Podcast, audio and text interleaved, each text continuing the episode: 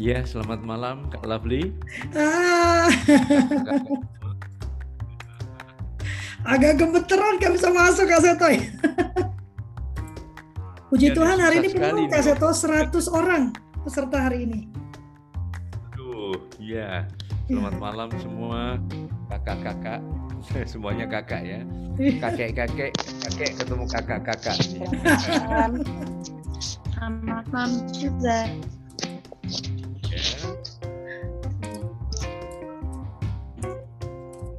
Ya, okay. uh, eh, kita buka dulu ya Kak Seto ya. Uh, Kak Seto ya, saya uh, saya sampaikan bahwa nanti kita akan memberikan uh, apa memberikan uh, sertifikat uh, tapi kepada ayah, bunda atau uh, baik itu guru maupun orang tua ataupun peminat yang ikut acara kita ini delapan uh, kali berturut-turut Kak Seto. Jadi acara kita ini kan tiap Selasa ya 8 kali yeah. dan melakukan pengimbasan Kak Sato. Jadi nanti mereka menceritakan apa yang didapatkan yeah. uh, lalu juga mempraktekkan dibuktikan lewat video yang dikirimkan ke format yang nomor yang sudah Lovely masukkan di di form Kak Seto. Ya, baik, Biar baik. berdampak nanti ya acara kita ini ya. Yeah. Uh, kita sudah live Kak Seto, kita buka ya. Yeah. Saya, saya, saya akan bagikan linknya. Uh, selamat malam uh, sahabat-sahabat semua, selamat bergabung di dalam belajar parenting. Belajar parenting ini kegiatan yang dilakukan antara Asapena, Kultur Metamorfosa, dan Perkumpulan Keluarga Peduli Pendidikan. Pada malam ini kita akan bicara khusus untuk anak-anak usia dini Uh, dengan para pakar pendidikan. Jadi kita akan uh, belajar praktek ya teknik parenting untuk anak usia dini.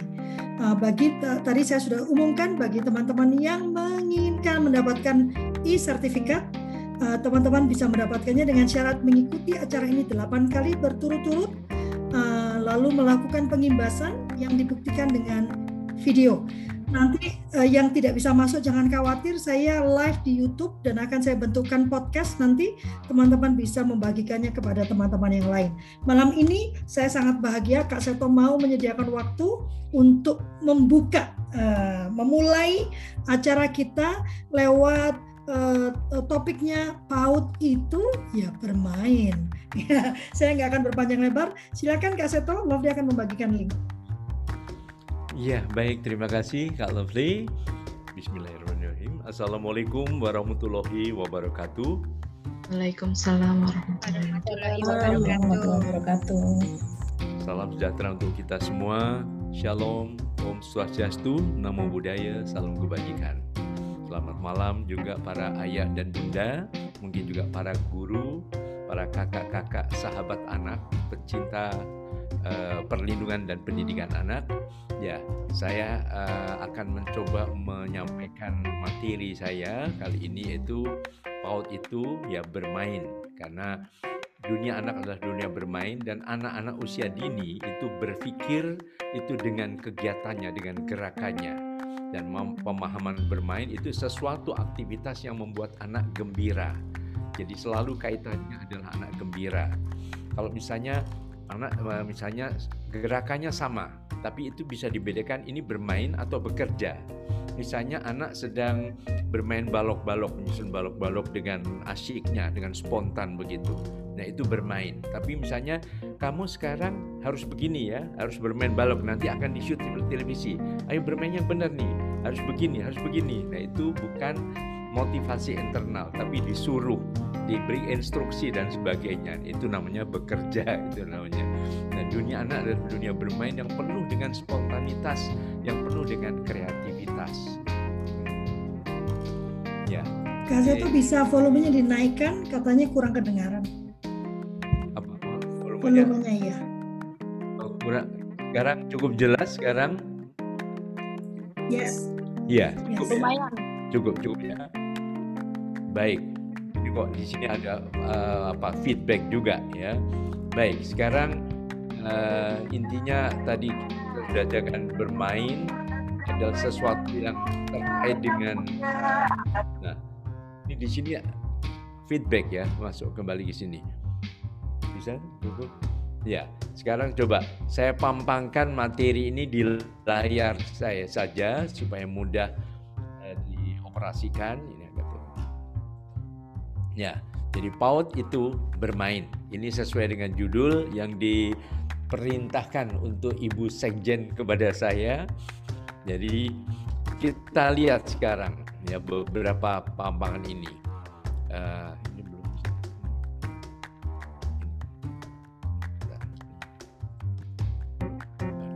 Nah, saat ini anak-anak PAUD pun terpaksa belajar secara daring di tengah pandemi COVID-19.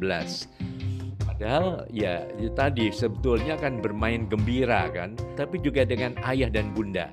Mungkin juga dengan kalau ada nenek, ada kakek, mungkin ada paman atau om atau tante dan sebagainya. Nah, akhirnya karena terlalu formal, kami melihat di beberapa uh, kegiatan di taman kanak-kanak bahkan bermain itu sampai anak tertidur karena harus menatap layar berjam-jam. Padahal screen time anak itu untuk anak usia dini maksimal satu jam per hari maksimal itu. Jadi jangan lebih. Jadi beberapa materi saja diberikan mungkin juga melalui uh, ayah dan bunda dan ayah bunda yang aktif bermain bersama dengan putra putri tercinta Menatap layar terus-menerus juga merusak kesehatan mata. Ada beberapa anak yang akhirnya terpaksa pakai kacamata. Kadang-kadang diberikan sudah yang terlalu tinggi ya, calistung ya, bahkan matematika dan sebagainya. Akhirnya anak pusing tujuh keliling, orang tua stres, anak-anak jenuh, hasil belajar pun menjadi tidak optimal. Padahal belajar yang efektif pada dunia anak-anak usia dini adalah melalui bermain melalui sesuatu yang menyenangkan, di mana anak bisa tertawa, di mana anak juga bisa ceria wajahnya, tidak tegang, mengernyitkan kening dan sebagainya. Akhirnya membosankan, motivasi belajar menurun, memicu konflik keluarga, kadang papa mama ribut, kadang-kadang dijewer, dibentak, bahkan ada yang dipukul. Nah ini tentu melanggar hak anak. Anak gelisah, susah tidur, sulit makan, bosan, marah-marah, akhirnya kok anak saya jadi malas belajar ya memang anak-anak belajarnya harus terkait dengan suasana yang menyenangkan dan juga adanya gerakan-gerakan. Survei bahkan menunjukkan 13% anak sudah mengalami sudah mengalami depresi. Nah, kekerasan bahkan ini uh, catatan dari KPAI ya, kekerasan dipukul, dijewer, dijambak dan sebagainya, kadang dibentak, dihina, diancam dan seterusnya anak rindu belajar di sekolah. Tapi di sekolah pun juga bermain kan. Jadi bukan sekedar belajar dengan tegang dan sebagainya. Tapi harus ada persyaratan lima siap. Wilayah siap tidak, anak siap tidak untuk memakai masker. Kemudian siap keluarga memberi bekal, siap sekolah, ada nggak tempat cuci tangan dengan air mengalir dan sabun. Kemudian mejanya juga dibuat berjarak, ya, tidak saling berdekatan dan sebagainya. Jadi sekarang belajarnya di rumah bersama ayah dan bunda. Anak-anak sebetulnya apa sih? Anak senang belajar. Dulu waktu kecil belajar tengkurap, belajar duduk, belajar berdiri, kan tidak pernah dibentak kan? Nggak ada kan ibu-ibu atau ayah mengatakan, ayo belajar ngomong, nggak boleh diam saja kepada bayi-bayi, enggak kan? Tapi dengan apa apa dang kintung dang intung kadang-kadang dengan suasana yang menyenangkan begitu anak senang bergerak berteman berpetualang senang bermain mencipta alias kreatif dan sebagainya. Dan sekali lagi dunia anak usia dini adalah dunia bermain. Nah suasana seperti ini yang dirindukan. Ada gerakan-gerakan yang melompat, yang memanjat, merosotan, berlari-lari, Nah mungkin di rumah ya berlari-lari mengitari meja makan misalnya, melompat-lompat dan seterusnya. Manfaat bermain juga merangsang berbagai aspek perkembangan anak. Perkembangan psikomotorik, jadi gerakannya lebih lincah, lebih percaya diri, psikososial, kemampuan bergaul. Nah saat ini bergaulnya dengan ayah dan bunda, mungkin ada asisten rumah tangga, mungkin juga ada ya pak kakaknya, mungkin adiknya juga dan seterusnya juga emosional, mengendalikan emosi dengan lebih cerdas, moral, bagaimana ada aturan-aturan tidak mau tidak boleh uh, semau gue, ada aturan yang di, apa diikuti dan seterusnya dan juga merangsang kreativitas. Nah, kita juga memiliki permainan edukatif. Bermain edukatif juga meningkatkan berbagai hal, kemampuan kreativitasnya, kemampuan tadi motorik juga, konsentrasi, melatih konsentrasi, rasa percaya diri, konsep logika sederhana, kemudian juga kemampuan tadi bersosialisasi, kemudian mengenal sebab akibat dan berbagai hal semua ya sebagai yang dicantumkan di sini. Kemudian juga bentuk kegiatannya bisa bermain puzzle. Nah, misalnya ini kan ada ada apa balok-balok ya mengenal angka atau huruf ya kemudian disusun kemudian apalagi eh, berikutnya uh, membacakan buku cerita ayah dan bunda juga bisa membacakan cerita. Membaca saja kita dengan nada yang diberi nada kadang-kadang misalnya ada seekor binatang uh, Pak Buaya. Nah Pak Buaya jalan-jalan sambil melihat temannya mana teman saya misalnya. Tapi saya beli baca dengan nada-nada. Kemudian juga permainan tradisional. Permainan tradisional seperti apa ya melompat sambil apa ada permainan engklek ya yang melompat kaki satu kemudian apalagi main egrang tapi egrang belum tapi egrang dengan tempurung bisa juga gitu atau juga dengan apa e, membaca cerita ini juga dengan buku-buku untuk anak usia dini. Nah, ini ada lumba-lumba, ada ikan, ada bintang laut dan sebagainya. Mungkin sambil melatih anak mengenal deretan huruf-huruf itu. Tapi anak-anak juga senang jadi dipegang, kemudian dibuka sendiri, mengenakan pada buku dari tahap uh, yang pertama. Kemudian uh, bermain warna, misalnya bukan sekedar coba merah mana, biru mana, tapi mungkin juga Nah, ini apa warnanya? Oh, ini merah. Oh, bukan kuning. Kalau ini warnanya apa? Merah. Coba baju adik warnanya apa dan sebagainya. Tapi dengan alat-alat peraga. Kemudian ya uh, mengenal bentuk. Nah, bentuk-bentuk juga misalnya uh, ada ini bentuk apa? Ini segi empat.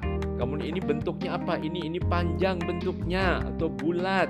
Nah, apa alat peraga yang ada ini apa ini oh ini bulat atau tutup atau apa dan sebagainya ya kemudian bermain peran juga bisa bermain peran kemudian berikutnya lagi uh, uh, bermain tebak lagu nah kadang-kadang coba sekarang lagu apa ini kalau dulu ada berpacu dalam melodi misalnya sekarang lagu apa nih la la la la la la la la la la la la La la la la la la la la la la la la apa?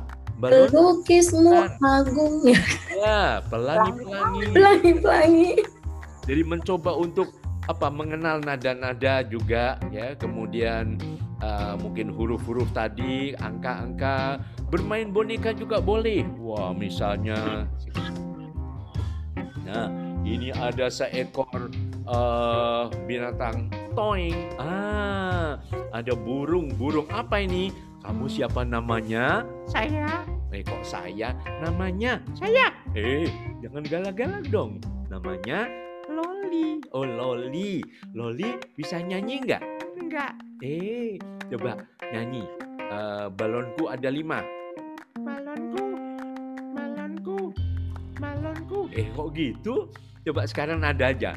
Do, re re mi mi goreng eh kok mie goreng misalnya jadi mungkin dengan nada nada indah tapi ada boneka ini ada juga nah mungkin ini ayah bunda pernah mengenal boneka ini nih Wele, wele, wele.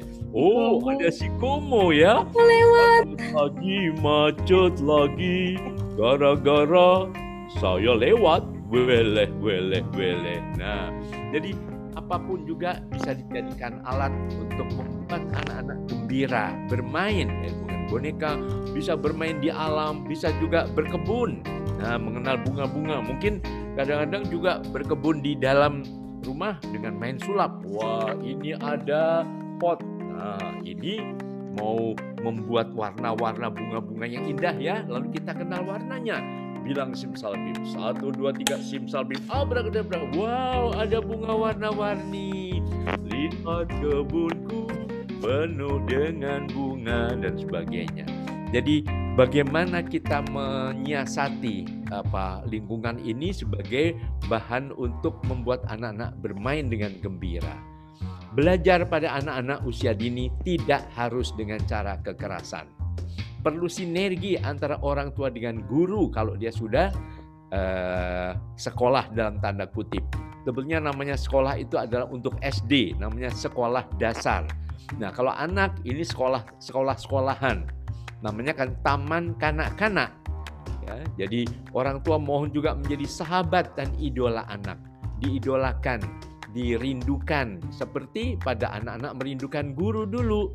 Ya kan dulu kan ada lagunya kan di di TK para mungkin ayah bunda pernah di TK lagunya gini-gini.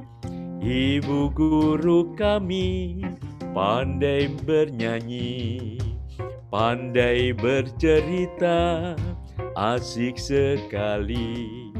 Kami dibimbingnya dengan sepenuh hati, jadi orang berguna di kemudian hari. Nah, jadi orang yang berhasil ya. Ciptakan suasana belajar dalam keluarga yang lebih ramah anak, yang selalu dikaitkan dengan dunia bermain. Dan istilahnya jangan belajar dari rumah, seolah belajar di rumah itu menatap ke sekolah terus berjam-jam tapi belajar di rumah. Jadi belajarnya di rumah bersama dengan siapa? Ya ayah bunda sebagai guru pengganti. Jadi materi sebaiknya ayah bunda menerima juga dari para guru bisa didiskusikan misalnya ibu kalau pelajaran itu terlalu sulit untuk anak kami atau mungkin ada kendala mungkin sinyalnya suka hilang kuota habis kadang-kadang handphonenya atau gadgetnya dipakai gantian dengan kakak jadi dia bisa terus menerus menata berjam-jam ke sekolah. Ya. Nah, makna pendidikan kan bukan mengisi air ke dalam gelas, tapi menumbuhkan sesuatu dari dalam. Bukan anak harus menghafal ini, menghafal ini, tidak. Tapi anak ceria, menumbuhkan. Ibaratnya ada aneka warna bunga di taman sari keluarga. Ada mawar, melati, anggrek. Mana yang paling indah ya semuanya indah, tumbuh dengan segala keunikannya. Standar isi pendidikan juga bukan hanya ilmu pengetahuan atau teknologi saja, tapi juga etika, sopan santun, belajar bekerja sama, tidak mau menang sendiri, gotong royong, ya, estetika, mengatur keindahan rumah, kebersihan, juga nasionalisme dan kesehatan. Jadi kurikulum pada anak-anak juga lebih berpihak pada hak anak. Kurikulum untuk anak yaitu kurikulum kehidupan. Apalagi saat pandemi COVID-19 ini. Juga teori multiple intelligences dari Howard Gardner menegaskan semua anak cerdas pada bidang yang saling berbeda. Ada cerdas angka, mungkin pintar matematika. Ada cerdas kata, tapi mungkin hanya berkata-kata, senang mendongeng, senang gambar, kemudian musik juga. Sediakanlah lingkungan yang bisa memenuhi berbagai tipe kecerdasan anak ini. Musik mungkin dengan cara ya ada alat musik sederhana. Apa misalnya mengenal nada-nada do re mi fa sol la si do misalnya. Mungkin sambil mengajak bernyanyi. Uh, aku apa nah ini kadang-kadang seperti ini. Jadi kan ada ada pakai apa ya pakai apa sebenarnya bisa. Nah pakai pinci ini. Nah kadang-kadang bisa nggak nih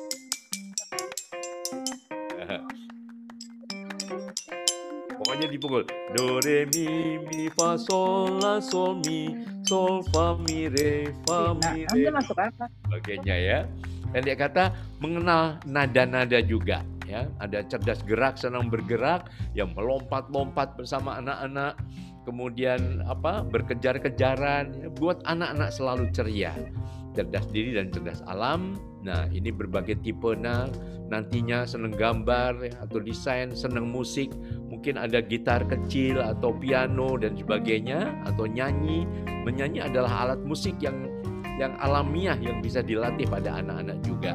Mungkin senang gerak ya, cerdas teman, cerdas diri, cerdas alam lingkungan, mungkin juga ada hewan-hewan kecil misalnya apa ayam atau burung dan sebagainya.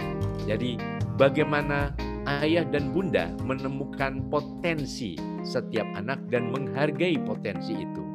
Jadi semua anak kamu hebat, kamu pintar menggambar, hebat, pintar nyanyi, bagus, pintar menyanyi, jempol, dan sebagainya. Setiap yang tepat juga akan mendukung pengembangan karakter putra-putri kita. Jadi sopan dan santun, tangguh, tetapi rendah hati, penuh hormat, kreatif, jujur, disiplin, dan sebagainya. Ini sesuai dengan apa yang di ditegaskan oleh Kementerian Pendidikan, karakter profil pelajar Pancasila, akhlak mulia, kebinekaan global, gotong royong, mandiri, kreatif, dan kritis. Jadi bagaimana anak-anak gembira dan bahagia, itu kunci utama sekarang ini. Karena semua anak pada dasarnya senang belajar, tapi ciptakan suasana yang menyenangkan. Karena belajar yang efektif adalah belajar dalam suasana gembira. Keluarga yang ramah anak. Ayah bunda kalau bangun tidur jangan ngomel, jangan cemberut, jangan aduh ini begini, ini begini bersyukur saja, penuh rasa syukur, selalu senyum. Jadi ayah bunda kalau papa mama bangun tidur lihat kaca. Waduh, wah saya kalau senyum lebih ternyata saya lebih cantik dari Kak Lovely kalau senyum ini misalnya. Jadi akhirnya semua anak juga ih biasanya mama cemberut sekarang senyum ya. Oh ikut-ikutan Kak Lovely ya, ikut-ikutan Kak Yanti ya dan sebagainya. Nah, tadi mendongeng, menonton televisi, mendongeng dengan buku juga ada si komo, gambar-gambar, mungkin juga berolahraga, bergerak dengan video ya. Mungkin kalau ada taman ya, belajar dengan gembira di taman. Jadi ayah bunda, papa mama siap menjadi idola putra putrinya. Bukan ditakuti tapi dicintai, dirindukan, dibanggakan. Tidak ada kekerasan dan lebih sebagai fasilitator tapi juga motivator, selalu memberi semangat putra putrinya. Kelebihan pada anak-anak yang belajar di rumah saat ini, mungkin juga melalui homeschooling, ternyata memuji bahwa lebih mandiri, lebih kreatif, juga cocok untuk anak berkebutuhan khusus, jauh dari pergaulan negatif, siap untuk kehidupan nyata dan kegiatannya lebih dinamis dan lebih fleksibel. Nah, seperti tadi juga mungkin mendongeng wayang, kalau etika bagaimana sopan dan santun, menata tempat tidurnya sendiri, sampah dibuang di tempatnya, saatnya tidur ya tidur, Misalnya tidak suka misalnya nonton TV atau main gadget saja. Nah, kunci menghadapi anak harus kreatif. Ciptakan juga ide-ide baru, lagu-lagu baru. Mandi jangan ayo mandi. Beda kan? Ayo kita mandi dengan sabun wangi. Ya, asik mandi sama-sama yuk. Misalnya dengan ayah misalnya. Gadget juga jangan main gadget. Sekarang anak sudah pinter main gadget. Bikin lagunya.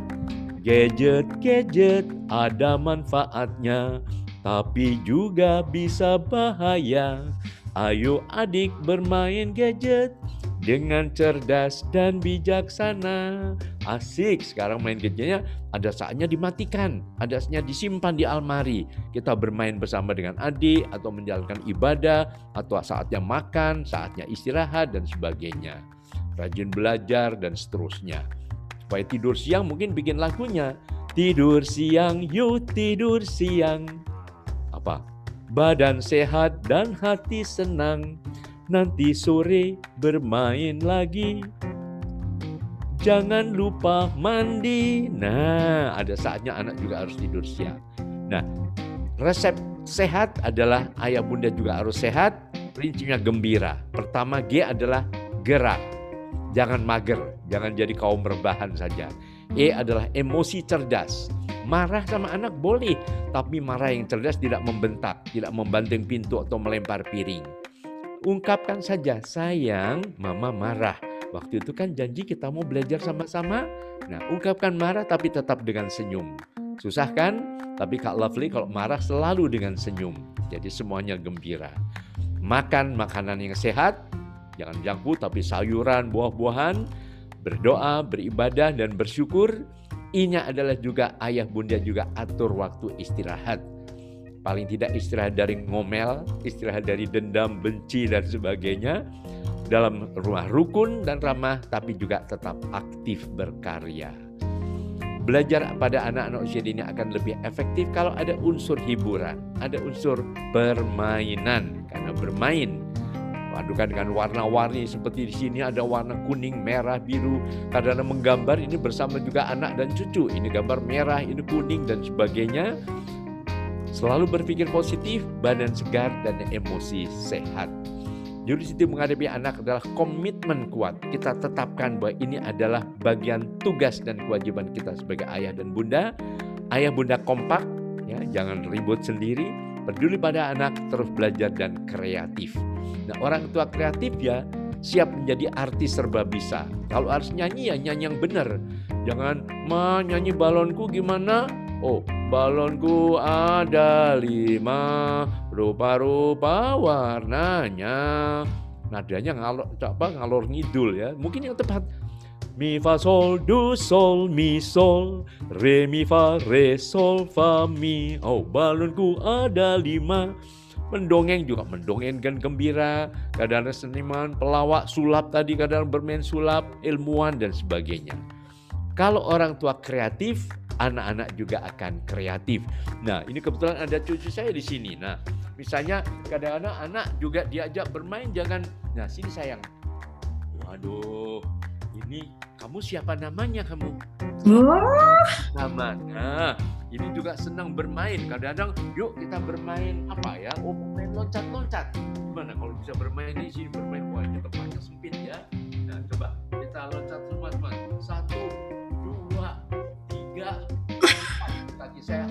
kebanyakan parkur jadi. Hati-hati Kak Seto. Ya. Nah, pokoknya buat anak gembira dengan lompat-lompat, karena berputar-putar dan sebagainya. Jadi bagaimana anak di rumah cepat uh, apa uh, akrab juga dengan ayah dan bunda karena kita kreatif, anak-anak juga kreatif, anak-anak juga akan semakin terlindungi dari berbagai tindak kekerasan yang tanpa sadar kita lakukan. Mungkin pernah ingat anak disuruh menghafal Pancasila sambil dibentak-bentak dan sebagainya. Nah, itu tentu bukan nuansa bermain pada anak-anak. Orang tua bijak mendidik anak sesuai zamannya.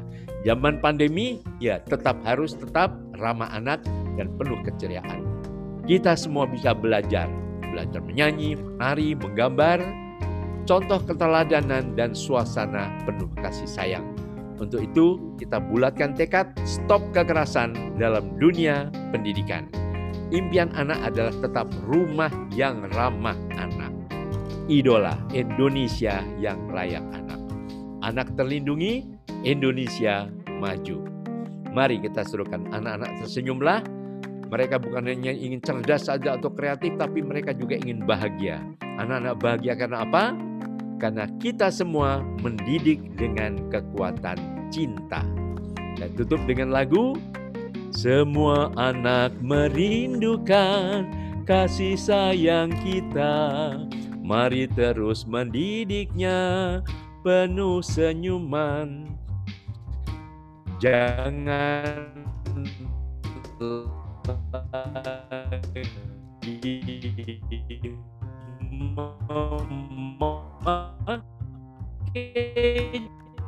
cara penuh kekerasan Mari mantap, mari mendidik ah. Terima kasih, mobil baru. Wah, pas di Kak Kaseto nyanyinya, uh, ininya jelek tadi Kaseto. Uh, sinyalnya, sayang sekali. Hanya hilang ya? Iya, nyanyinya. Nanti diulang lagi ya Kaseto.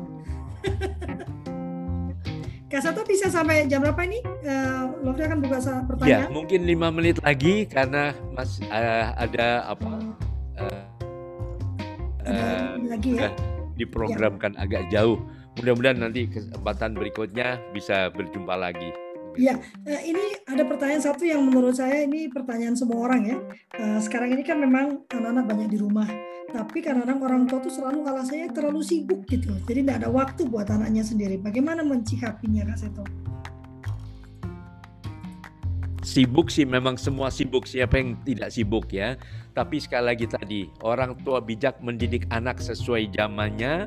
Nah, zaman sekarang memang apa? Dituntut apa? Kreativitas kita mengelola waktu, menyiasati waktu, menyiasati energi juga ya saya sendiri bukan hanya mendidik anak tapi juga mendidik cucu tapi juga harus menangani berbagai kasus pengaduan dan sebagainya kadang-kadang masih harus datang ke Polres ke Polda keluar kota juga untuk menangani kasus kekerasan terhadap anak tapi semua itu dinikmati saja jangan dirasakan sebagai beban saya kalau pulang aduh bahagia sekali ketemu anak-anak ketemu cucu jadi ini sebagai kekuatan tidak sebagai beban, aduh capek ya ngurus anak begini. Nah, bagaimana ibu guru mengurus apa ya dalam uh, murid TK sampai 25 atau 30 yang beragam segala macam. Jadi sekarang mungkin kita disadarkan oleh Tuhan Yang Maha Kuasa bahwa pendidik pertama dan utama adalah tetap ayah dan bunda. Jadi marilah kita tetap menjadi pendidik yang ramah anak dan menjadi sahabat untuk putra-putri kita. Demikian Kak Lovely. Ya, terima kasih Kak Seto, luar biasa. Seperti biasa, luar biasa. Kok banyak banget sahnya ya, jadi berima gitu ya.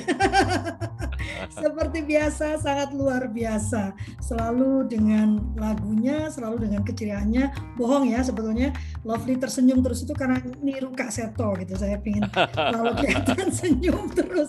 Jadinya standar di Asapena itu senyumnya harus kayak Kak Seto. Kalau enggak, enggak bisa. Kak Seto ada waktu atau uh, sudah sudah bisa harus uh, undur diri. Iya. Teman-teman ya, jangan khawatir, nanti akan diambil alih oleh Lovely, nanti saya akan menjawab ya. Ya, mungkin kita berfoto bersama dulu. Oh, siap Kak Seto. Wow. Oke, saya tutup dulu ininya. Teman-teman silakan membuka kameranya dulu. Kita mau berfoto dengan Kak Seto.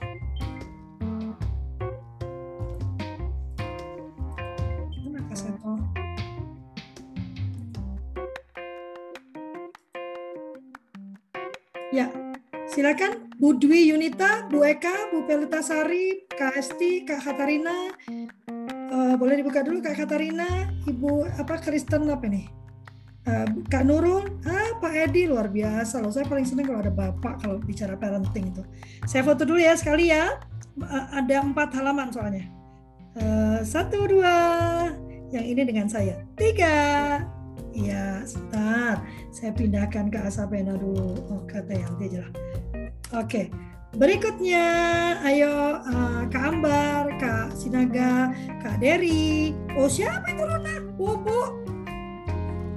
Ya, ayo pendeta Adi, Kak Dery sudah? Ya, kita akan foto ya. Satu, dua, tiga. Oke. Kak Seto di mana Kak Seto?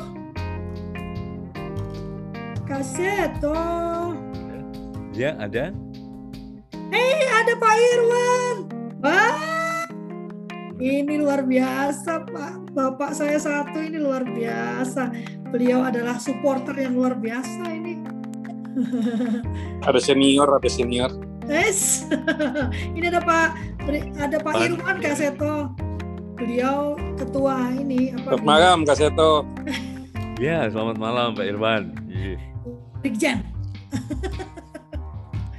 Brigjen yang nggak seperti tentara yang lain. Saya Pak, Pak Irwan ini mengubah pandangan saya tentang ketentaraan. Ya, ya Kak Suryani, Kak Elisna, Kak Runa. Kok Kak Seto belum ketemu-ketemu ya Kak Seto? Kak Seto di mana sih? Coba saya lihat. Ah, ini dia Kak Seto. Oke, satu, dua, tiga. Yes. Oke, terima kasih Kak Seto sudah saya foto dengan teman-teman. Ya, terima kasih. Sampai okay. berjumpa. Assalamualaikum. Waalaikumsalam. Jangan pergi dulu ya. Kita saya akan menjawab pertanyaan ya. Uh, kalau tidak keberatan nanti Pak Irwan juga boleh membantu saya menjawab pertanyaannya. Uh, tadi ada pertanyaan tentang bagaimana kalau orang tua yang sok sibuk ya, sok sibuk uh, yang tidak mau meluangkan waktunya. Saya selalu menyatakan kalau itu di sekolah, jadikan itu salah satu prasyarat mendapatkan rapot. Ya, kalau orang tua itu kan urusannya rapot tuh, urusannya kan pengakuan ya. Nah, eh, jadikan dia eh, salah satu prasyarat bu. Jadi kalau mau orang tua tuh harus di dalam tanda kutip dipaksa ya. Kalau anak dikondisikan, kalau orang tua dipaksa. Jadi nanti bisa kepala sekolahnya mengeluarkan surat bahwa eh, poin penilaiannya adalah termasuk kerajinan orang tua me mengirimkan laporan. Misalnya ini kalau di rumah ya. Kalau enggak berarti ada poin di mana orang tua diminta melaporkan kegiatan bermain. Nah, laporan itu adalah menjadi prasyarat untuk mendapatkan nilai. Nah, jadi kalau kita mau paksa orang tua pakai bahasa dia, bahasa dia itu kan rapot, nilai gitu ya. Nah, kita pakai dengan, dengan berharap bahwa kita terus melakukan parenting supaya dia akhirnya menyadari pentingnya uh, peran dia dalam kehidupan anak, ya. Uh, moga-moga terjawab ya. Uh, ada lagi? Tadi ada lagi. Ada Kalau ada yang mau bertanya langsung silakan waktu kita sampai 8.30 ya. Boleh ya? Uh, ini ada pertanyaan tentang cara mendisiplinkan anak karena setelah pandemik anak lupa kebiasaan di sekolah seperti lupa sholat, lupa tugas. Ini yang bicara orang tua atau guru? Ibu Miftahul Jana ini orang tua atau guru kah? Guru. Oh guru. Kalau uh, jadi yang mengeluh orang tua dong, ya benar? Iya banyak orang tua yang mengeluh. Mengeluh. Jadi begini Ibu ya, disampaikan ke orang tua bahwa sebetulnya kalau menurut Permendikbud nomor 30 tahun 2017, keluhan itu sebetulnya yang menjadi tugas adalah orang tua. Jadi tentang rajin sholat, tentang kebiasaan baik itu sebetulnya tugas orang tua di rumah. Jadi bukan tugas guru ya. Sehingga kalau orang tua lalu mengeluhkan anak anak sekolah jadinya lupa ya itu sebetulnya ada sesuatu yang tidak tidak benar dalam pola hidup mereka ya. Nah, bagaimana caranya? Ya orang tua harus mulai memberlakukan penjadwalan di rumah ya. Penjadwalan di rumah tapi jadwal itu harus uh, ini harus uh, apa uh, secara konsisten dilakukan juga oleh orang tua. Jadi kalau waktunya sholat ya ibu bapaknya sholat juga gitu ya. Sehingga anaknya juga mau sholat. Seperti di sekolah kan begitu ya. Kalau waktunya kalau TK berarti sholat duha ya. Kalau pas waktunya sholat duha gurunya memimpin sholat kan.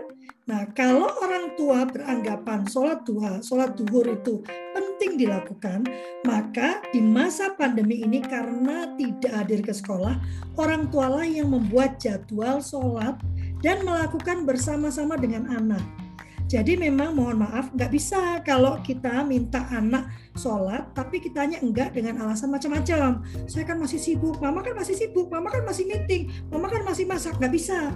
Jadi kalau mau anak berpikir bahwa jam sholat begitu azan langsung sholat, maka orang tua pun harus mengkondisikan dirinya begitu azan mengajak anak-anaknya untuk sholat. Begitu ya, Ibu Miftahul ya. Jadi disampaikan ke orang tua, ini memang kembali ke orang tua. Ya baik Bu. Ya bahwa dia ada di rumah berarti membuat jadwal bersama-sama. Jam makan ya makan, jamnya uh, baca buku bareng-bareng ya baca buku bareng-bareng gitu ya.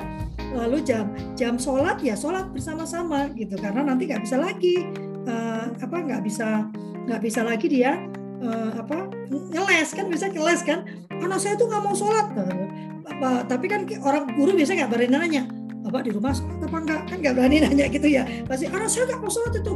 Ibu tolong uh, didisiplinkan gitu kan. Nah, padahal di rumah dia juga sholatnya telat-telat gitu. Nah ini yang yang menjadi permasalahan nanti. Kalau orang tua itu ingin anaknya sholat dengan baik ya nomor satu kitanya yang harus berusaha keras sholat dengan baik tepat waktu ya kan? Saya percaya bahwa itu kan value. Aturannya sholat lima waktu tapi aturan sholat itu ada jamnya Nah sekarang tata nilainya ini value keluarga yang masuk. Sholat itu bisa dari duhur misalnya, bisa dari setengah jam 12 atau setengah satu sampai jam setengah tiga, benar? Ya kan? Nah jam itu boleh sholat kapan pun. Nah sekarang kita mau menerapkan value yang mana? Apakah di tengah-tengah jam kita sholat, ataukah terakhir-terakhir yang surganya katanya sudah hampir ditutup kita baru sholat, ya kan? Ataukah di depan? Begitu azan letakkan semua kita sholat. Nah ini yang perlu disepakati di keluarga. Kalau keluarga ingin menunjukkan pada anak bahwa sholat itu lebih penting dari apa pun, maka begitu azan nomor satu, sholatlah gitu.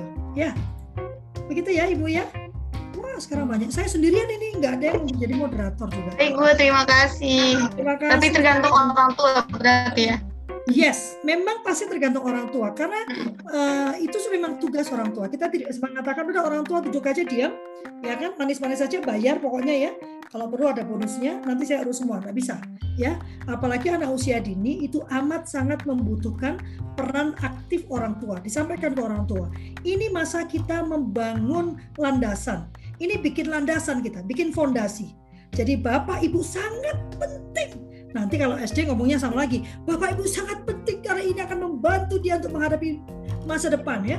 Uh, tapi kalau pada TK kita bilang ini kita sedang membangun fondasi Bapak Ibu. Jadi Bapak Ibu benar-benar harus terlibat gitu kan, meletakkan dasar-dasar iman, meletakkan dasar-dasar karakter pada anak-anak Bapak Ibu. Jadi tidak boleh dilepas tangankan ya. Baik Bu, terima kasih. Terima kasih. Nah, kalau orang tua lepas tangan dari tugasnya karena sudah ada guru les privat, bagaimana Bu? Waduh, ya ini juga memang ya uh, uh, ini memang ini memang masalah yang selalu ini ibu ada di perkotaan atau di pedesaan ya Bu Kiki ya? Ini masalah sebetulnya masalah ini ya masalah abadi ini sebetulnya ya. Dari sejak anak saya masih kecil-kecil selalu permasalahan adalah orang tua yang uh, menyatakan terlalu sibuk sehingga tidak sempat untuk uh, apa mengurus anaknya bahkan uh, apa rapotnya pun diambilkan orang ya Nah, ini memang satu yang Nah, kalau ini memang kita harus agak memaksa ya. Uh, saya tuh percaya kalau dengan orang dewasa memang harus agak dipaksa, harus dikondisikan kalau dalam bahasa saya ya. Ya, dan ini memang sesuatu yang yang yang yang yang agak berat. Saya sendiri merasa bahwa kita miss ini, kita lolos ya, kita kelepasan gitu. Kita tidak pernah menyiapkan orang uh, pasangan untuk menjadi orang tua. Benar ya Pak Irwan itu yang sedang kita kerjakan ya Pak Irwan, bahwa kita selama ini menyiapkan orang menjadi suami istri. Yes, ya. Kalau sebelum nikah, kalau di gereja ada uh, pembekalan di Islam dia harus ikut uh, pembekalan juga kan tentang pernikahan. Tapi persiapannya adalah menjadi suami dan istri. Belum ada persiapan menjadi orang tua. Sementara persiapan menjadi orang tua itu seharusnya dilakukan bahkan sebelum dia terpikir untuk menikah.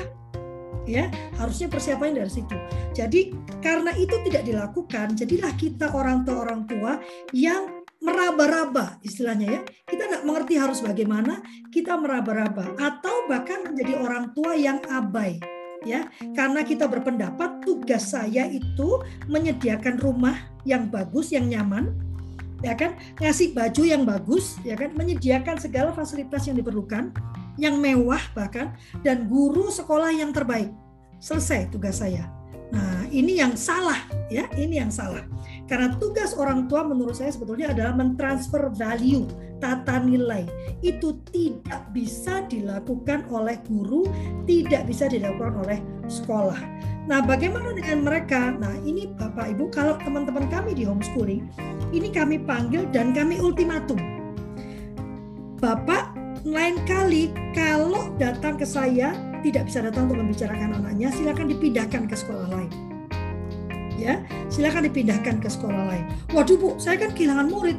Lebih baik kehilangan murid yang bapak ibu tidak bisa menghasilkan yang terbaik daripada menerima tapi tidak mendapatkan hasil yang terbaik. Menurut saya. Tapi kalau seluruh TK berbicara yang sama, nanti datang ke TK dia bilang, oke bapak, mohon maaf ya, eh, kita akan menandatangani surat komitmen, Bapak terlibat, Bapak Ibu terlibat aktif. Aduh, enggak deh, saya cari tempat lain. Pindah lagi tempat lain. TK yang berikutnya mengatakan hal yang sama. Jadi kita harus bersepakat nih, para TKers, TKers ini ya, powders, powders ini harus bersepakat bahwa kita sangat membutuhkan uh, peran serta orang tua di dalam pendidikan anak-anak kita. Jadi nanti tidak terjadi ya sudahlah sama saja pak, nggak apa-apa, bapak nggak usah ribut, nggak apa-apa, nanti saya urus. Kalau perlu nanti saya yang ngerjain PR anaknya deh, bapak pokoknya diam saja, hanya demi mendapatkan murid atau pemasukan, ya. Jadi memang kalau menurut saya Bu Kiki uh, perlu dipanggil dan diberi peringatan. Bapak, saya sudah memanggil Bapak yang kedua kali. Kalau ketiga kalinya mohon maaf Pak, uh, anak Bapak terpaksa harus dipindahkan dan kami tidak bisa mengeluarkan rapot. Wah, tapi ingat ya anaknya tidak boleh di uh, tidak boleh dikurangi layanannya ya karena kita memperhatikan anak ini ya anak tetap harus dilayani tetap diberikan yang terbaik cuman kita sedang mengkondisikan orang tuanya ya. Karena saya juga sebel nih gemes kalau ada orang tua kayak gitu tuh kan. Terima kasih banyak. Iya kan? Iya. Mau tanya lagi sedikit boleh? Boleh boleh. Sebentar ya. Uh, gini bu. Masalahnya itu sudah pernah dikasih tahu juga. Tapi orang tuanya tuh kayak ah nggak mau gitu loh bu. Kayak disuruh tuh nggak mau lebih memilih pekerjaannya dia terus anaknya itu mohon maaf jadi agak terganggu secara psikis dan juga akademiknya. Meskipun saya juga salah ya bu. Uh, terkesannya mengejudge dengan apa dengan gampangnya. Tapi uh, setelah saya satu tahun sama anak ini kelihatan sekali bahwa si anak memang kurang baik akademis maupun psikisnya. Ternyata setelah saya uh, cari tahu memang dari orang tuanya juga pengaruh sekali. Yes. Jadi saya bingung mau ngomong lagi tuh kayak gimana karena mereka lebih memilih pekerjaannya gitu. Jadi begini ibu ya, uh, uh, kalau perlu nanti karena kita sebagai guru uh, uh, kita tuh kan jadi garda pertama untuk memperhatikan anak dan kita berhak merekomendasikan anak untuk ke psikolog atau ke psikiater ya atau ke dokter umum. Jadi kalau kita memperhatikan aduh ini sepertinya perkembangan psikisnya kurang baik ini ya kan atau ada masalah psikologis ini Nah, ibu boleh memintakan. Nanti kalau orang bilang, e, apa, saya nggak ada waktu. Nah, oke okay, pak, saya akan kontakkan. Bapak harus berhubungan. Nanti uh, silakan bicara dengan psikolognya ya. Karena biasanya, gu, uh, karena saya juga nggak ngerti ya, kenapa kok orang tua itu uh, tidak tidak terlalu menghormati guru TK-nya gitu ya. Tapi mungkin juga uh, kita perlu juga uh, apa ya? Kalau bahasa Jawa itu ngajeni diri sendiri ya, membuat diri kita juga dihormati gitu kan, dengan membuat batasan walaupun kalau bisa Ibu Kiki juga bertandang ke rumahnya gitu kan untuk melihat kondisi rumahnya. Lalu gini, jangan dipanggil, Ibu Kiki coba datang ke sana. Apa? Kalau sulit saya yang datang ya, kapankah harinya uh, sehingga saya bisa datang ya kan? Mohon maaf kalau perlu ya pas libur ya karena itu hari yang mereka bisa ada kan? Yang penting di, di, dikondisikan dan dihubungkan dengan psikolog. Kalau memang anaknya ibu mer, me, apa, me, apa ya me, mendeteksi ada uh, kesulitan dari anak tersebut. Ingat ya fokus kita adalah anak. Kita sedang melayani anak dan kita mencari segala yang terbaik buat anak. Ya begitu Bikiki ya? Semangat ya? Iya, terima kasih Ibu. Terima kasih. Ya. Wow, saya paling senang bicara dengan teman-teman PAUD tuh karena selalu senang sekali ingin punya mendapatkan ini, mendapatkan apa? ilmu ya. Saya teruskan ya. Mohon maaf ya, saya agak terbata-bata karena saya sendirian hari ini ya, karena teman saya tidak bisa masuk nih karena penuh ya. Halo, Masalah klasik. Hey, ada kasih lah. Oke, okay, kamu bisa bantu aku ya. Kasihan sekali ini sendirian. ya aku agak aku jadikan kamu ini ya co-host ya biar bisa membaca. Halo selamat malam semua. Assalamualaikum ibu-ibu bapak-bapak. Perkenalkan saya Asrila juga dari Asa Pena bersama Kak Lovely Waalaikumsalam. Aduh ya um, uh, oke. Okay. ini udah ditanya ini. Linknya kok nggak dibagikan Ay, pusing saya. Ya Uh, ini masalah klasik tentang orang tua tidak menyadari pentingnya pendidikan usia dini. Bagaimana kiat kita untuk membuat ortu para ortu menyadarinya? Uh, Kak Asril mau membantu saya menjawab. Sementara saya mau kasih link uh, absen ke. Baik, baik. Uh, terima kasih Kak Lovely uh, kesempatannya. Ini saya uh, mohon maaf nih ya, nggak nggak persiapan terlalu banyak nih karena tadi masuk. Uh, pas awal kemudian sempat lihat Kak Seto juga. Luar biasa beliau ya eh, masukan-masukannya buat kita semua para orang tua. Ya sangat senang ketemu dengan para orang tua dan kemudian juga guru-guru PAUD ya. Uh, saya dan Kak Lovik kebetulan juga hmm, apa namanya uh, narsum untuk BIMTEK di Kemendikbud ya Kak Lovia untuk BIMTEK PAUD.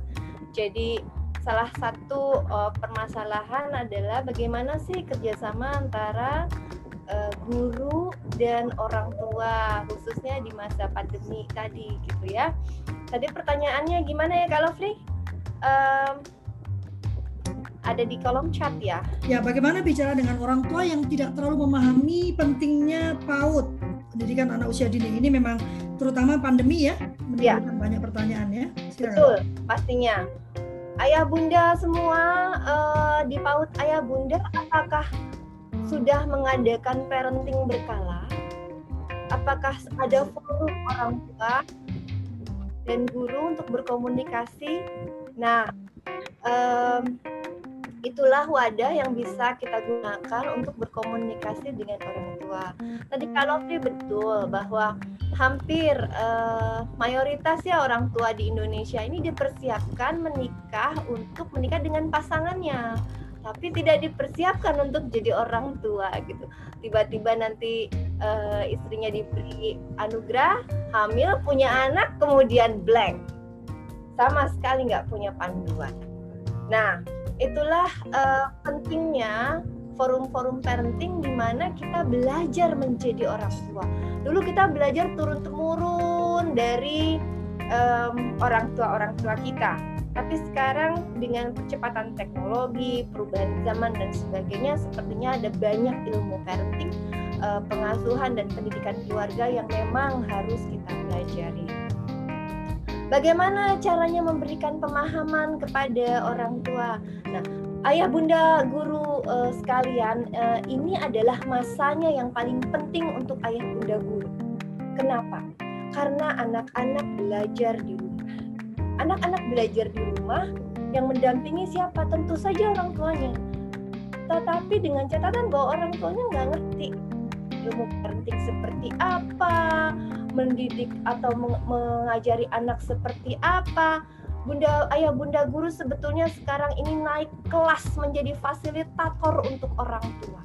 Menjadi jembatan antara anak dan orang tua. Bukan hanya uh, tugasnya mengajar anak saja dalam tanda kutip tetapi juga mendampingi orang tua untuk mengajari anak-anak di rumah. Basic yang paling penting yang perlu di-share, dibagi dengan orang tua adalah tentang psikologi perkembangan anak usia dini. Itu. Ya, e, misalnya seperti ini, ada orang tua yang datang, Bu, anak saya nggak mau belajar, nggak mau baca, nggak mau nulis, nggak mau hitung. Ketika ditanya, umurnya berapa bu anaknya? Tiga tahun.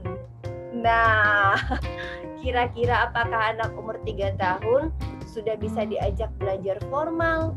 Tentu saja belum. Yang harus dilakukan seperti tadi Kak Seto bilang, bermain. Ajak anak-anak bermain, tetapi di dalam konteks bermain, anak-anak bisa belajar hal-hal yang baru belajar berhitung tidak harus ini satu dua tiga empat lima stres anaknya gitu. Karena konsepnya masih konsep uh, konkret operasional. Ajaklah misalnya anak-anak main ke kebun atau misalnya ajak ke dapur sama ibunya yang masak ya. Uh, ibunya masak apa? Misalnya masak bayam ya. Itu batang-batang bayam bisa dicopot. Satu gitu batang bayamnya copot deh satu terus kemudian dibersihkan. Dua tiga terus. Sampai berapa? Ada berapa batang jadi sambil ibunya bekerja dalam tanda kutip di rumah misalnya masak membersihkan rumah dan sebagainya anaknya juga ikut gitu. Jadi tidak harus adik sana aja jangan ganggu mama. Mama mau masak dulu atau mama mau beres-beres rumah. Nah ini membuat jarak dengan orang tua. Lakukanlah parenting partisipatif, jadi anaknya diajak untuk ikut uh, berpartisipasi atau terlibat di dalam pekerjaan-pekerjaan kita di rumah. Begitu. Ini menyenangkan kok bunda-bunda. Percayalah lima tahun pertama itu adalah masa yang sangat menyenangkan dan itu masa-masa yang tidak akan pernah kembali. Jadi hmm, berikanlah waktu kita, dedikasikanlah waktu kita di lima tahun pertama anak-anak di golden age mereka uh, untuk agar kita bisa punya uh, ikatan batin yang kuat, kemudian anak-anak juga bisa uh, terlibat di dalam pekerjaan-pekerjaan rumah tangga. Pekerjaan domestik itu bukan pekerjaan ringan dan bukan pekerjaan rendahan uh, ada penelitian yang mengatakan bahwa anak-anak yang terlibat di dalam pekerjaan-pekerjaan rumah tangga itu jauh lebih sukses di masa depannya karena mereka sudah belajar mandiri kecil. Mungkin itu dari saya kalau saya baru baca apa eh, judul-judul topik yang diharapkan. Wah luar biasa. Ya, uh, ini saya agak tertarik dengan satu pertanyaan ya ada yang menanyakan gimana ya kalau Fli uh, uh, beberapa pertanyaan sih. Yang satu, bagaimana mengatasi anak yang harus ada gurunya kalau belajar. Uh, kalau nggak ada orang, kalau nggak ada gurunya dia nggak pede. Uh, pertanyaannya kenapa ya dia kok nggak pede karena uh, anaknya kalau nggak ada gurunya? Apakah karena orang tuanya tidak uh, tidak peduli, ataukah uh, apa yang dilakukan gurunya biasanya di sekolah yang yang, yang membuat anak itu jadi uh, mau belajar?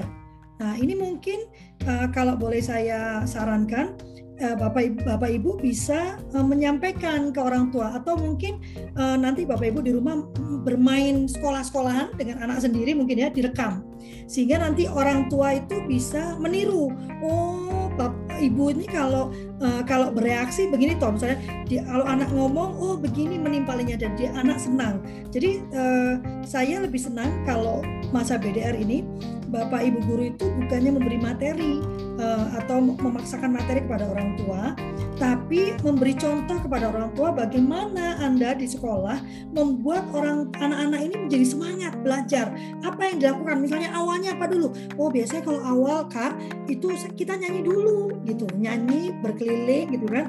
Uh, dulu kalau di sekolah TK saya itu namanya circle time. Jadi ada circle time-nya dulu gitu. Keliling dulu nyanyi-nyanyi. Nah, orang tua memang diminta untuk melakukan itu, tapi dijelaskan kenapa ada circle time Dulu pun saya harus menjelaskan kepada orang tua kenapa harus datang uh, jangan tepat waktu, tapi paling tidak 30 menit lebih awal. Karena kalau anak datang tepat waktu, dia butuh waktu untuk adjust, untuk tenang dulu, ya kan baru bisa duduk diam. Jadi waktunya habis setengah jam untuk berusaha tenang. Kalau 30 menit lebih awal, anak bisa main dulu, lari-lari dulu, sehingga pada waktunya dia sudah siap untuk duduk gitu ya. Mungkin itu ya Kak ya. Dan bagaimana dengan sekolah ini katanya kok malah fokusnya pada calistung. Ini yang selalu saya sampaikan. Kalau yang ketemu saya kemarin di Anyer, saya juga menyatakan bahwa ini adalah permasalahan dan bukan melulu kesalahan teman-teman di PAUD ya. Yang perlu kita lakukan mungkin nanti uh, Himpaudi bisa melakukan ini atau mungkin Asapena ya, kenapa enggak gitu kan? Kita perlu bertemu dengan direktur SD ya kan, direktorat SD dan meminta Direktorat SD dan PAUD ya kan untuk menandatangani MOU kesepakatan gitu kan. Karena sebetulnya di PAUD sudah dilarang benar Bapak Ibu ya? Nggak boleh mengajarkan calistung masalahnya di SD diminta. Benar ya?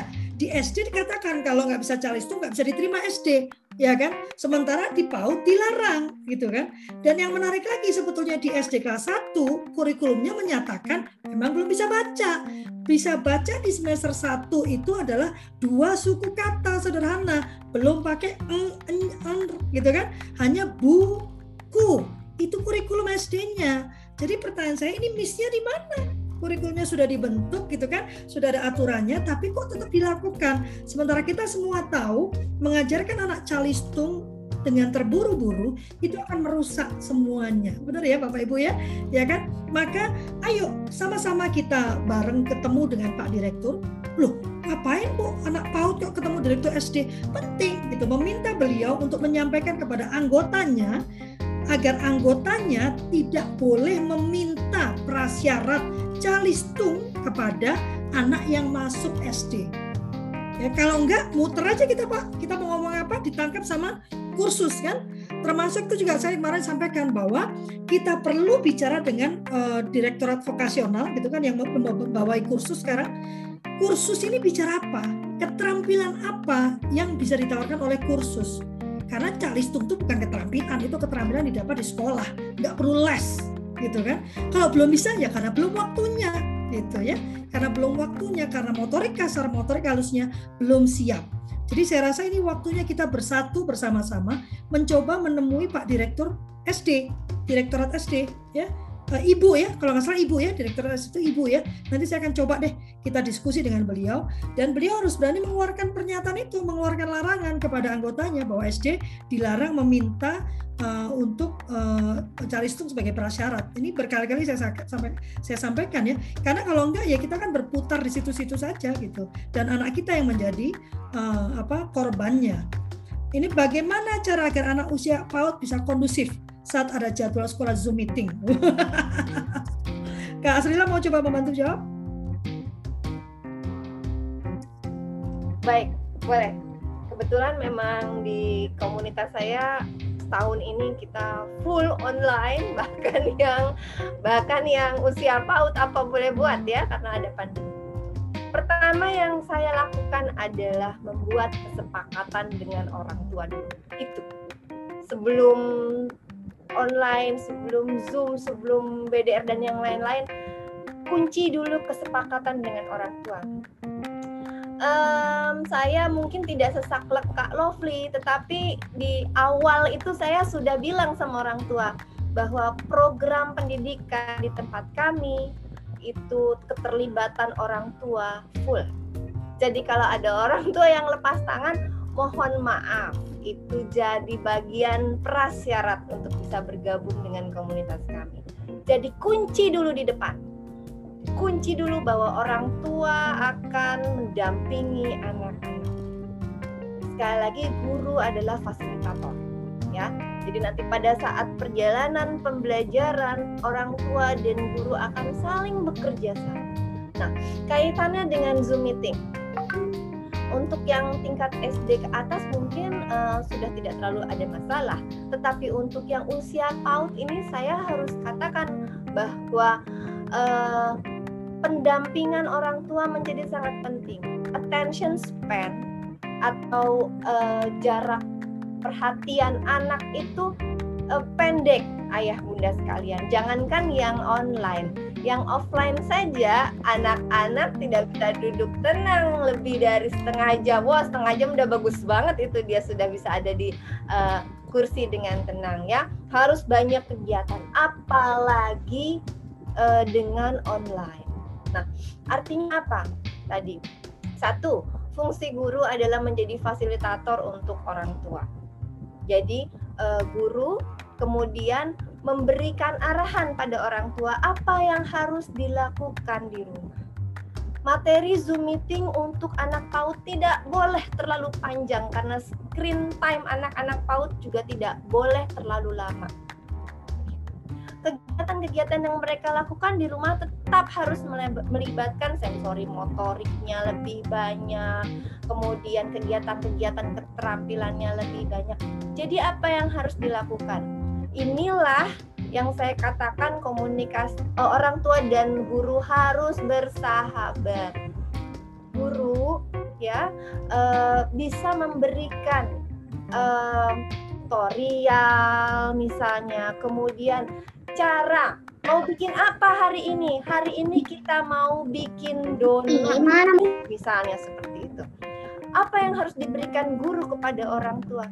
Tutorial bikin donat, resepnya bikin donat, bahannya bikin donat gitu. Sehingga orang tua tahu, oh itu yang harus dilakukan. Nah, di rumah orang tua kemudian mendampingi menemani anak-anaknya untuk bikin donat tadi. Cara penilaiannya nanti gimana, Bu? Video kirim videonya ke guru sehingga gurunya bisa lihat oh itu yang dikerjakan oleh orang tua. Jadi sesi Zoom itu digunakan guru untuk memberikan arahan kepada orang tua, memberikan fasilitasi pada orang tua, sekaligus mungkin nanti menayangkan videonya, langkah-langkah yang harus dilakukan seperti apa, kemudian e, memberikan resepnya, bahannya dan sebagainya, sekaligus juga konsultasi nanti bikin lagi sesi Zoom berikutnya untuk siapa? Untuk orang tuanya. Tanya kesulitannya apa ayah bunda dalam uh, memberikan uh, materi atau kesehatan di rumah dengan anak-anaknya. Dibahas di situ, kemudian didiskusikan, sharing, saling memberikan uh, apa namanya uh, pemahaman atau saling memberi, memberikan pengalaman antara satu orang tua dengan orang tua lain sehingga terbentuk yang namanya peer group orang tua gitu. Kelompok orang tua yang sudah cerdas nih cerdas secara digital cerdas secara uh, parentingnya cerdas secara uh, kematangannya sebagai orang tua. Kalau ini sudah terbentuk maka mau online kek mau offline kek ini nggak jadi masalah. Satu lagi soal calisto kalau begitu berarti uh, anak-anak nggak boleh uh, baca dong sebelum uh, uh, apa usia SD siapa bilang? Yang tidak boleh adalah cara belajar formalnya. Memangnya anak-anak nggak bisa belajar simbol? Boleh. Tadi donatnya yang kita bikin itu boleh dibentuk huruf boleh dibentuk angka angka dua kayak bebek, angka satu kayak tongkat, kemudian ada angka tiga kayak apa ini ya, kayak antena. donatnya dibikin itu jadi berbagai bentuk. Apakah anak-anak bisa belajar dari situ? Sangat. Gitu. Jadi dalam bermain anak-anak menemukan nanti e, cara e, belajarnya sendiri dan kelak ketika mereka naik ke kelas yang lebih tinggi mereka sudah terbiasa untuk belajar mandiri. Tadi saya lihat komentar orang tuanya males. Gitu ya. Orang tuanya pada males. Pak Edi ketawa-ketawa tuh di situ tuh. Ada Pak Edi Susanto ya Pak. Assalamualaikum Pak Edi. Kunci di depan. Kunci di depan sebelum orang tua atau siapa pun masuk ke dalam program pembelajaran atau pendidikan kita di awal sudah dikunci dengan komitmen pendidikan keluarga. PAUD ini signifikan personnya secara teori perkembangan adalah orang tua. Guru adalah fasilitator.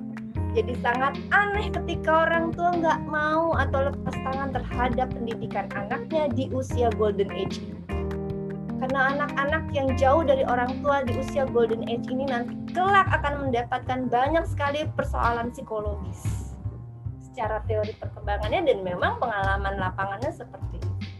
Jadi kunci di depan jika ada orang tua yang ingin bergabung dengan program pendidikan kita apa pun itu mau PAUD formal, mau TK, mau homeschooling, apa pun itu. Kunci di komitmen pendidikan keluarga.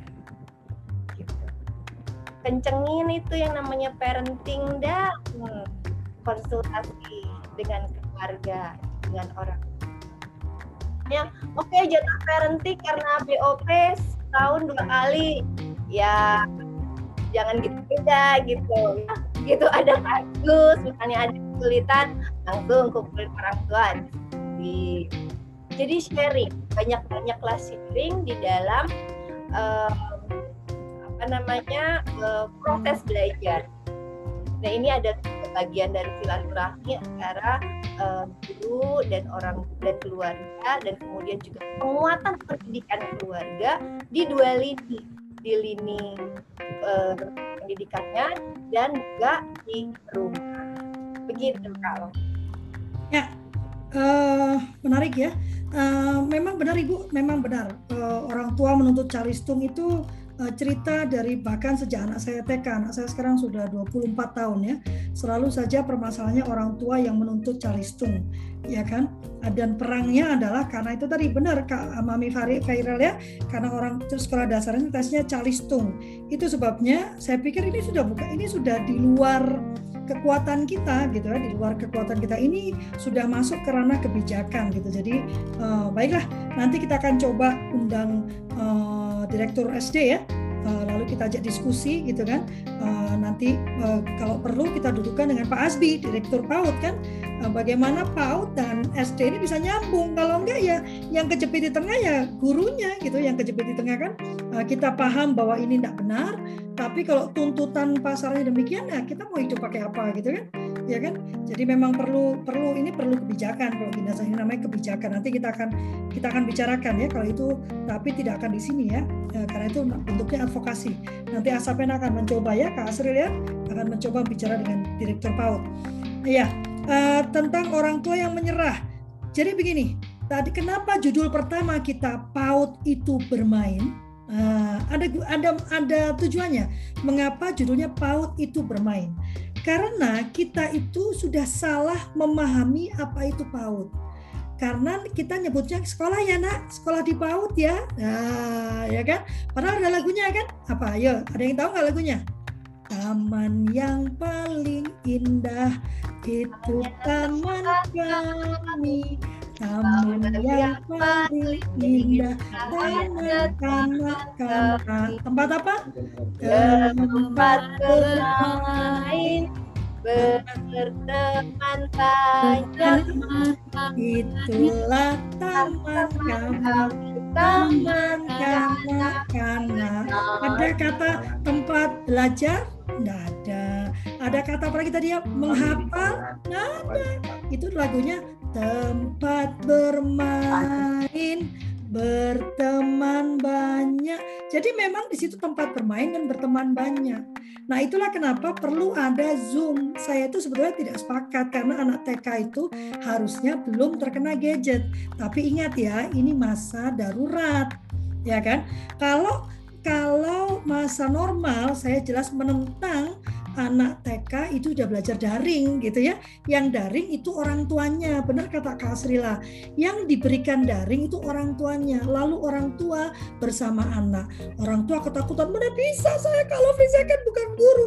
Ya itu tadi karena persepsinya masih sekolah, bukan taman bermain, ya kan? Nah kalau orang tua sudah mana bisa saya main dengan anak saya, pensiun aja jadi orang tua, itu kan tidak bisa main sama anak sendiri. Ya itu kan aneh ya. Makanya Ibu tadi ya, ada tadi yang menyebutkan tentang menghafal. Nah, ini yang saya tadi agak-agak agak-agak ini ya, agak begidik gitu ya. Anak TK sudah disuruh menghafal, jangan Bu, belum waktunya. Anak TK itu masih bermain segala sesuatu yang uh, konkret gitu. Dan dia cepat sekali ingat sebetulnya. Anak itu ingatannya masih sangat kuat dibandingkan kita ya. Sudah lupa-lupa aja gitu apalagi saya udah 45 tahun ke atas ya. Udah lupa aja ya. Untung nggak lupa anak kan, lupa rumah enggak ya. Nah, sehingga kita perlu fokus ke yang lainnya, jangan menghafal dulu. Begitu ya, jangan menghafal dulu, tapi buat dia karena ada modalitas belajar. Kita ini kan menyiapkan modalitas belajar. Kita ini bukan menyiapkan anak untuk calistung dan supaya waktu SD jadi pintar nomor satu. Salah gitu kita ini sedang membangkitkan semua sinap di otaknya, kita membangkitkan semua indranya supaya nanti waktu masuk SD dia siap menerima pembelajaran. Jadi pembelajaran akademiknya itu SD gitu, bukan sekarang. Sekarang ini adalah masa dia mempersiapkan semua modalitas belajar, motorik kasar, motorik halus, sosial emosi, bahasa, uh, apa namanya? Ah, yang satu ini saya selalu lupa. Uh, uh, apa SI itu apa? Selalu lupa kognitif.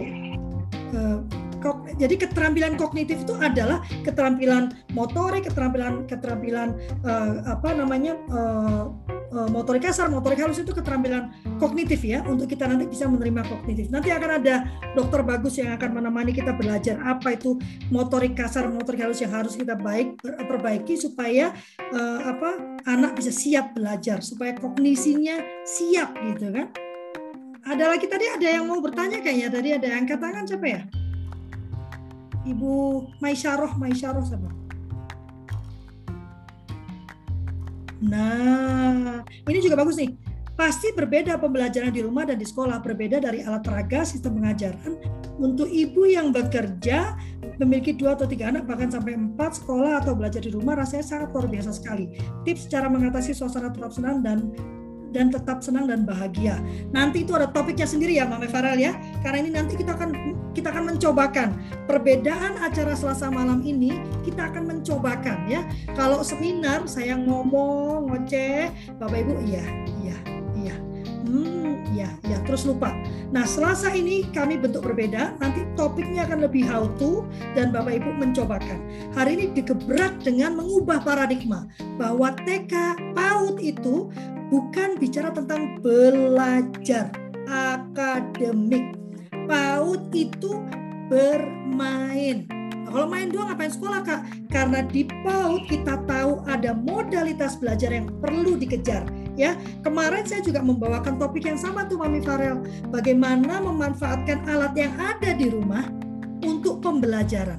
Bermain di rumah untuk mendapatkan hasil yang Baik, nanti akan ada topiknya ya Mami Farel. Ikut lagi ya setiap Selasa jam 7 malam ya.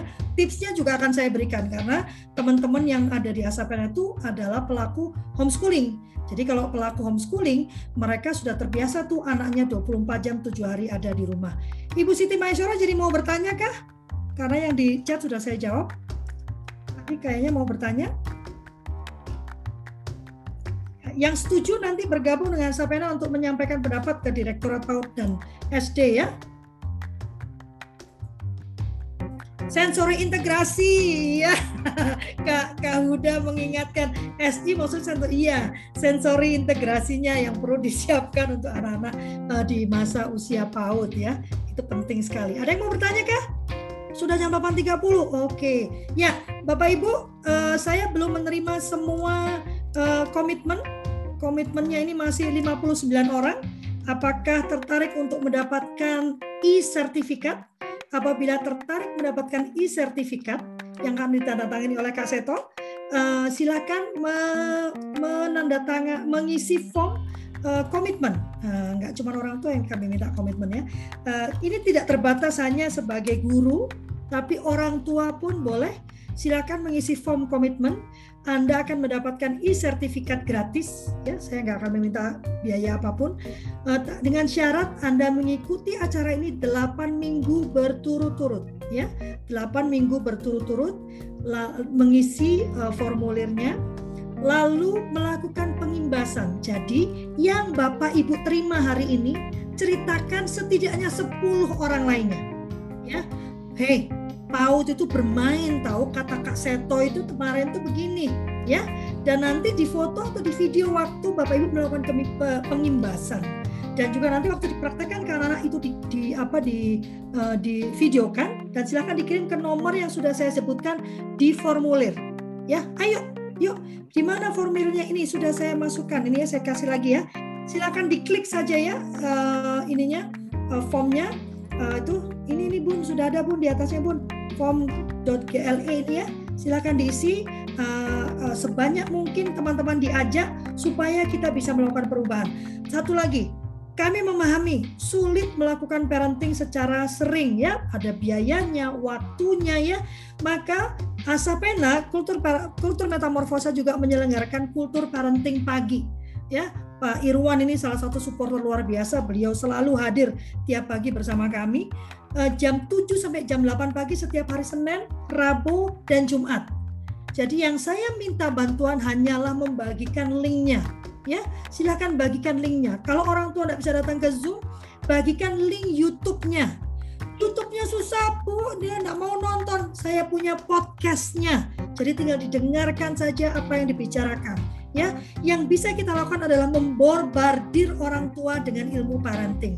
Berharap salah satunya akan menggugah mereka ya.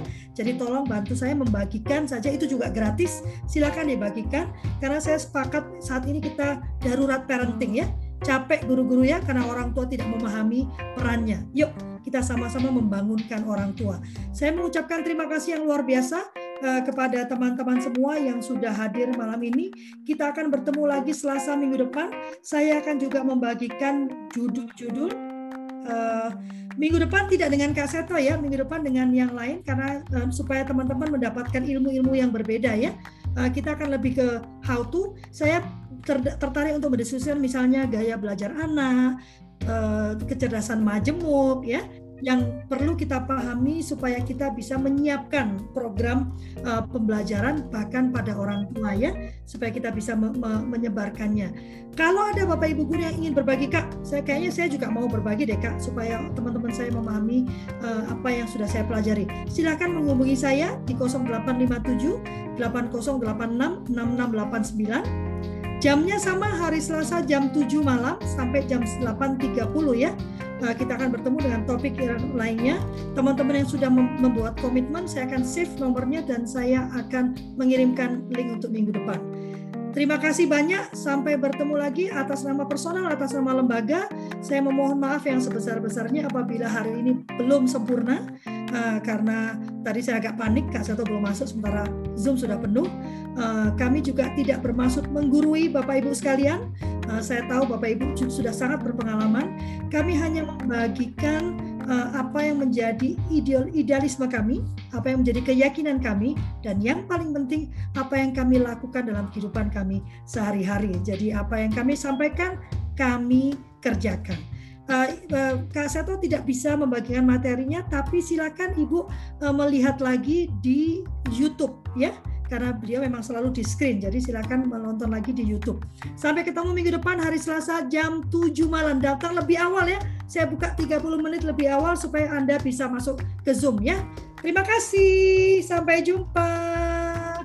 Wassalamualaikum warahmatullahi wabarakatuh. Salam sehat.